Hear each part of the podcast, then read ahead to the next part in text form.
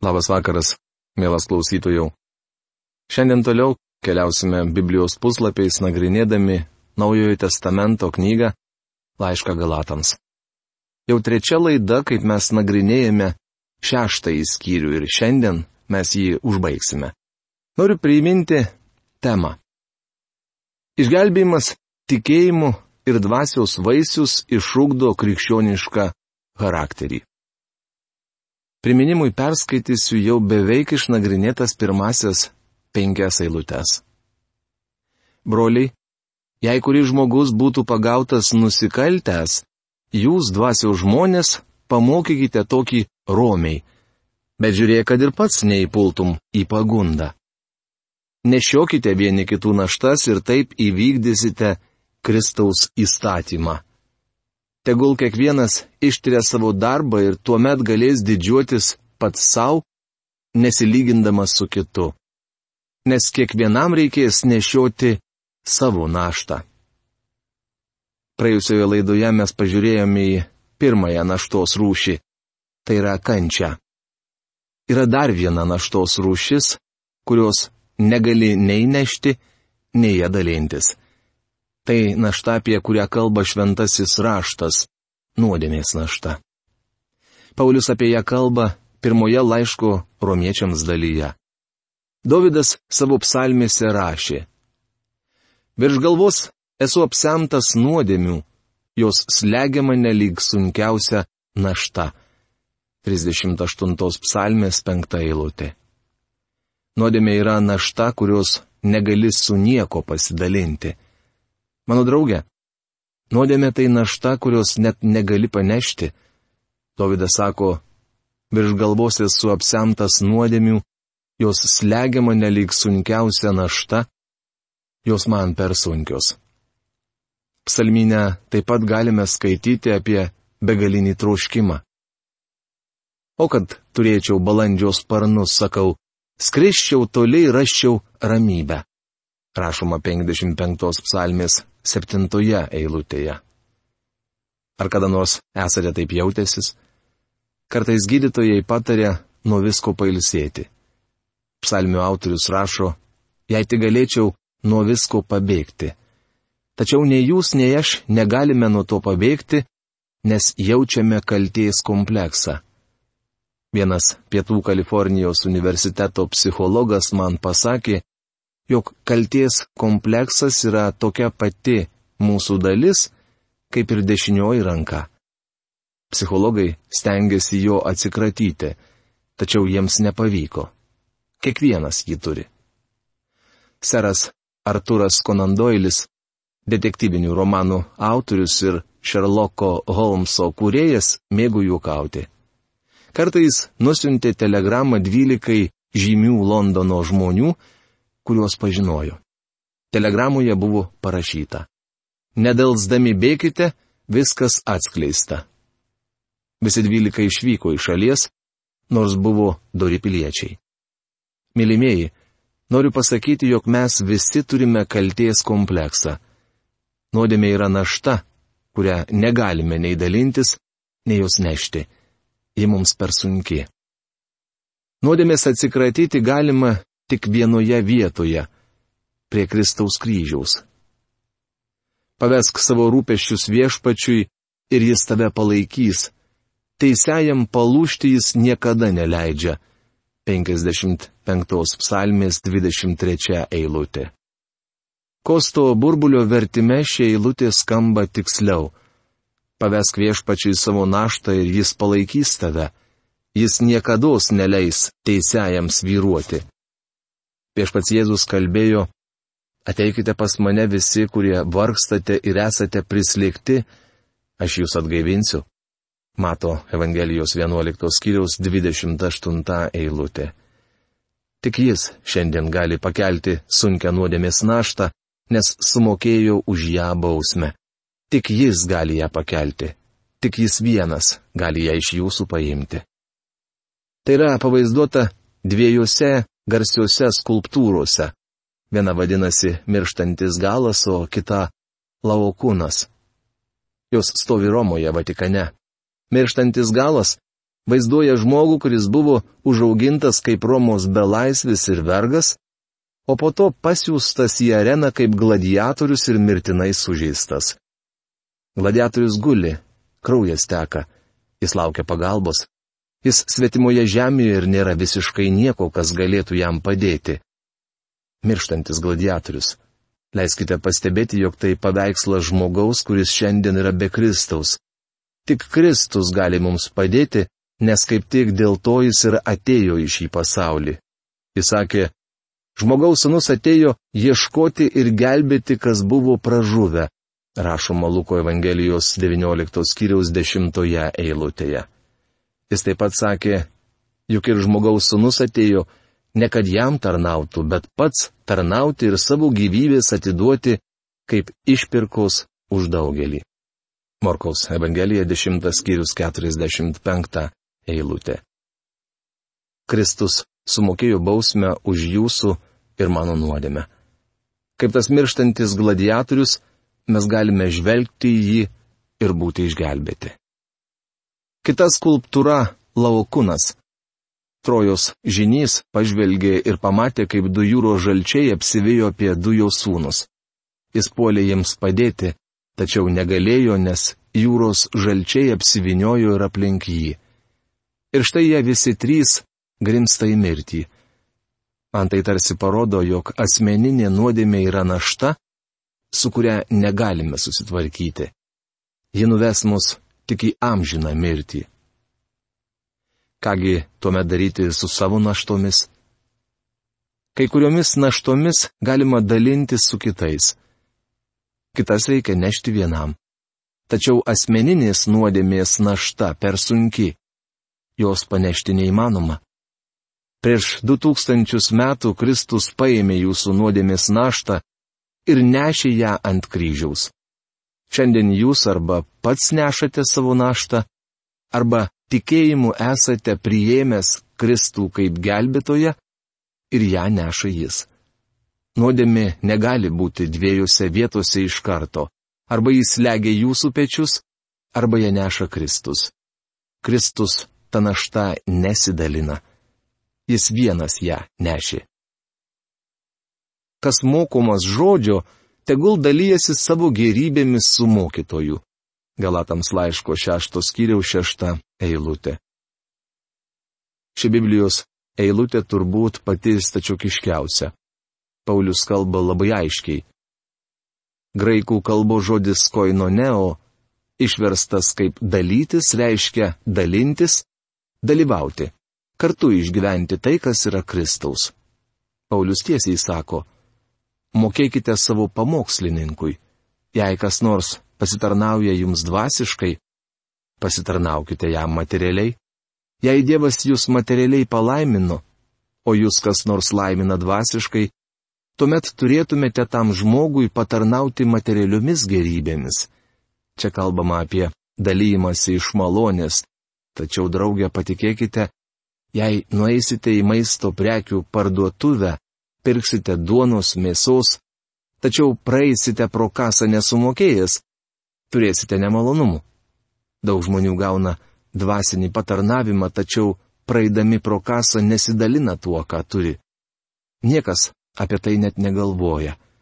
Dievo žodis sako, jog turite dalintis su tais, kurie jums patarnauja. Neapsigaukite.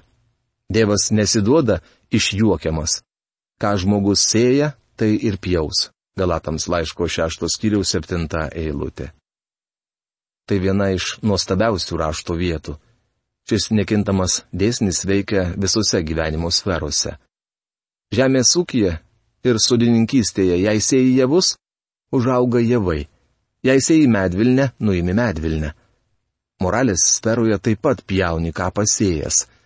Evangelijos pagal Mata 13 skyriuje viešpats Jėzus Kristus papasakojo apie sėjėją, kuris išėjo sėti.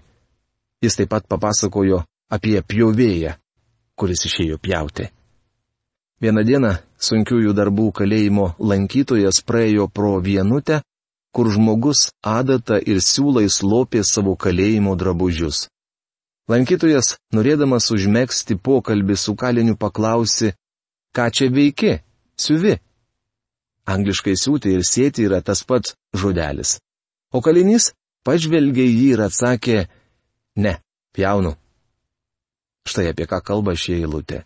Čia pateiktas principas yra nekintamas, nekeičiamas, pastovus bei neatšaukiamas. Negali būti pakeista ne viena jota. Jis tinka kiekvienai gyvenimo sferai. Jei sėjai kviečius, pjausi kviečius. Nuo riešutmedžio niekuomet nenusiskinsi moliūgo. Kartais arbūzo virkščia išsitėse 20 pėdų viena kryptimi, bet dar niekad neteko girdėti, kad įvyktų klaida ir jį užaugintų moliūgą visuomet užauga arbūzas. Egipto kapuose randami kviečiai, kurie buvo ten įdėti prieš penkis tūkstančius metų. Tuos kviečius pasėjo ir užaugo kviečiai. Per penkis tūkstantmečius sėkla nepamiršo, jog jį kviečio sėkla. Ką sėjai, tai ir pjausi. Ir tai niekuomet nepasikeis. Biblijoje yra daug žmonių, kurie iliustruoja šį principą. Vienas jų - Jokūbas, kurio istorija papasakota pradžios knygos 27-29 skyriuose. Jokūbas apgavo savo tėvą Izaoką. Norėdamas gauti pirmagimio palaiminimą, jis apsirengė ožiko kailių ir apsimetė savo brolių Ezavu, kuris buvo plaukuotas ir mėgo medžioti.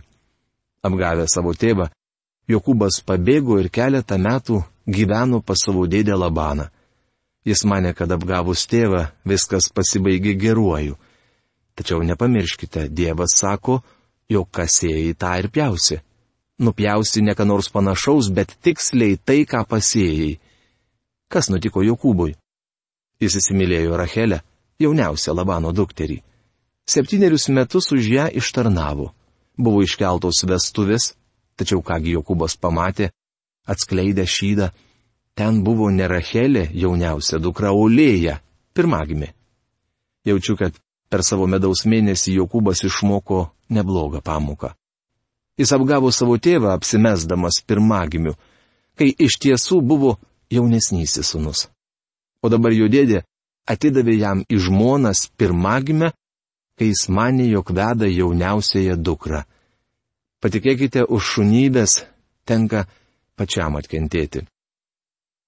Pirmos karalių knygos 21 skyriuje aprašyta istorija apie Ahabą ir Jezabelę bei jų žudikišką sąmokslą, siekiant pasisavinti Naboto vynogyną. Ahabas geidė Naboto vynogyno, tačiau Nabotas nenorėjo parduoti savo žemės. Kadangi Ahabas ir Jezabelė buvo karalius ir karalienė, jie paprastai gaudavo tai, ko norėdavo. Jezabelė surengė Naboto nužudimą, o Ahabas pasėmė Naboto vynogyną. Jie mane, jog nesusilauks atpildo už savo nedorybę. Tačiau Dievas pas juos pasiuntė pranašą Eliją su tokia žinia. Taip kalbėjo viešpats. Toje vietoje, kur šunys laižė Naboto kraują, laižys šunys ir tavo kraują. Rašoma karalių pirmoje knygoje 21 skyriaus 19 eilutėje. Vėliau Habas buvo sužeistas kovoje. Jis paliepė savo vežėjui išvežti jį iš mūšio, o kraujas iš žaizdos tekėjo į kovos vežimą. Po mūšio Ahabo kūną parvežė į Samariją. Jo kovos vežimas buvo nuplautas prie Samarijos tvenkinio, o šunys laižė jo kraują. Kitas pavyzdys apaštalas Paulius.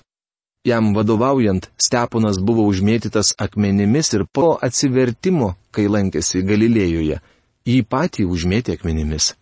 Gali kilti mintis, jog kadangi Paulius buvo atsivertęs ir jo nuodėmės buvo atleistos, tai jis neturėjo pjauti tai, ką pasėjo. Tačiau Dievo duotas dėsnis yra toks, ką žmogus sėja, tai ir pjaus. Pamenu evangelistą Melatroterį, kuris iki atsivertimo buvo alkoholikas. Kartą pakviečiau jį į Nešvilį, Tenesio valstijoje, surenkti evangelistinių susirinkimų. Vieną vakarą po tarnavimo nuvykome į kavinę, kurį vadinosi Saldumynų šalis. Vieni užsisakė didelį saldų patiekalą iš bananų, ledų, sirupo ir riešutų, kiti pieno kokteilį. O melastroteris užsisakė tik mažą stiklinaitę prisotinto angliarūkštės gėrimo. Visi pradėjo iš jo juoktis ir paklausė, kodėl jis tik tiek užsisakė. niekad nepamiršiu jo atsakymo. Kai atsiverčiau ir viešpats davė man naują širdį, jis nedavė man naujo skrandžio. Aš moku už visus tuos metus, kuriuos praleidau gerdamas. Leiskite dar kartą pakartoti. Ką žmogus sėja, tarp jaus. Neapsigaukite. Dievas nesiduoda išjuokiamas. Jums taip lengvai nepraeis. Kaip norėčiau, kad jauni žmonės suprastų, koks šis principas teisingas. Daugelis vartoja narkotikus, daugelis tengiasi pasitenkinti, atsiduodami seksui, laisvai meiliai. Kai kurie jau pradeda pjauti rezultatus to, ką pasėjo. Daugelį Amerikos valstijų venerinės lygos pasiekė epidemijos mastą. Nerima kelia ir tai, jog daugėja sergančių psichinėmis lygomis. Kodėl? Dievas sako, kad už nuodėmę vis tiek susilauksi atpildo, nesvarbu, kiek piliulių išgertum. Dievas sako, jog kasėjai, tai ir pjausi. Dievas nesiduoda išjuokiamas. Kai sėjai javus, javus ir pjauni. Kai sėjai nuodėmę, nuodėmę ir pjauni. Kas nors galbūt pasakys, aš atsiverčiau, tai nuostabu. Tačiau vieną dieną vis tiek reikės už viską sumokėti. Vis tiek teks pjauti tai, ką pasėjai. Kas sėja savo kūnui, tas iš kūno pjaus pražūtį, o kas sėja dvasiai, tas iš dvasios pjaus amžinai gyvenimą rašoma Galatams laiško šeštos kiriaus aštuntoje eilutėje. Pjauti amžinai gyvenimą reiškia, kad šiame gyvenime auks dvasios vaisius ir tai suteikia šlovingą perspektyvą ateičiai. Manau, jog daugelis krikščionių tikrai turėtų bijoti Kristaus sugrįžimo pas savuosius, nes kaip tik tuo met mes ir stosime prieš Kristaus teismo krasę, kad atsiskaitytume už tai, ką esame padarę gyvendami kūne. Mano draugė, jūs galite būti išgelbėtas, tačiau tą dieną, kai turėsite jam atsiskaityti už savo gyvenimą, vis tiek galite jaustis nejaukiai. Jonas užsimena, kad jo pasirodymo dieną gali tekti su gėda nuo jo pasitraukti. Skaitykite pirmą Jono laišką, antras skyrių 28 eilutę. Jei norite gyventi kūniškai, tuomet gimdysite tai, kas kūniška. Žinoma, tai nereiškia, jog prarasite išgelbėjimą.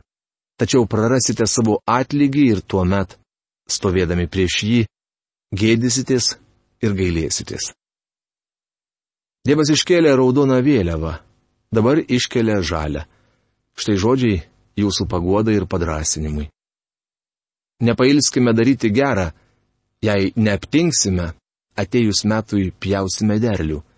Galatams laiško šeštos kiriaus devinta eilutė.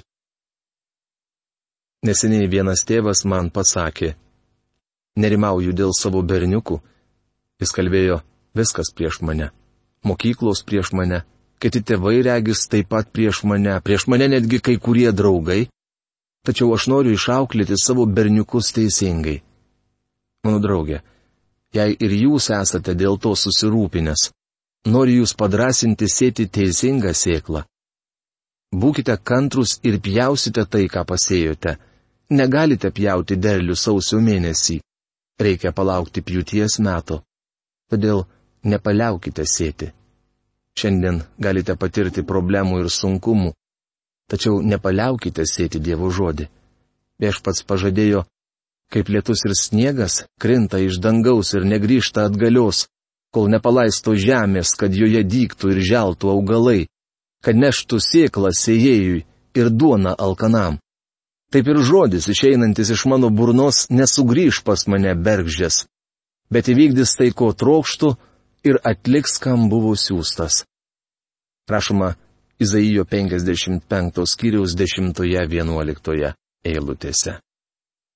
Atsiminkite, jog Abromas tikėjo Dievu ir vaikščiojo su juo Kanano žemėje. Tuo metu toje šalyje gyveno iškrypę ir stabmeldžiai kanaaniečiai.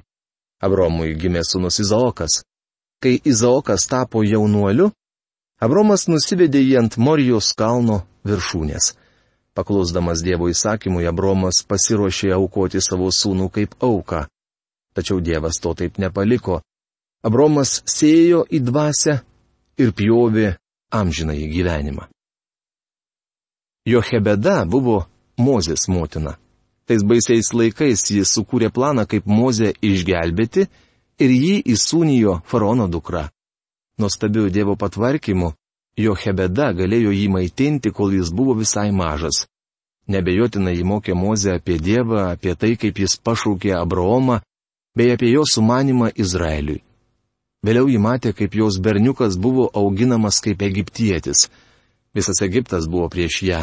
Egipto kultūra, Egipto malonumai, Egipto filosofija, Egipto religija. Tačiau atėjo diena, kai Mozė paliko Egipto malonumus ir nuodėmės ir išėjo būti su Dievu žmonėmis. Jo hebeda pjovė tai, ką buvo pasėjusi. Šis principas ryškus Davido gyvenime. Jis padarė didelę nuodėmę ir daugelis mano, kad jis buvo žiaurus ir nuodėmingas žmogus. Tačiau nuodėmė nebuvo būdinga Dovydui. Įdomu tai, kad juodo rašalo dėmelė ant baltos staltiesės matoma iš toli. Tačiau juodo rašalo dėmelė ant juodo kostiumo gali taip ir likti nepastebėta. Tuo metu kiti karaliai buvo tokie blogi, kad jiems padarius tokią nuodėmę kaip Davido, niekas net nepastebėdavo. Tačiau Davido gyvenime ši nuodėmė ryški, kaip baisi dėmė. Davidas mylėjo Dievą. Netgi išpažindamas savo nuodėmę jis atskleidžia, kaip alpsta ir trokšta Dievo. Tačiau Davidas sėjo nuodėmę ir nupjovė baisų jos derlių savo vaikų gyvenime. Mano draugė, mes pjauname tai, ką pasėjome. Nepailskite daryti gerą. Jei neaptinksime, atejus metui pjausime derlių. Tad kol turime laiko, darykime gerą visiems, o ypač tikėjimo namiškiams. Galatams laiško šeštos kiriaus dešimta eilutė. Paulius eina toliau. Jis sako, kad turėtume būti geradariai. Dabar aš suprantu, kad visa liberalizmo religija yra darimas gera.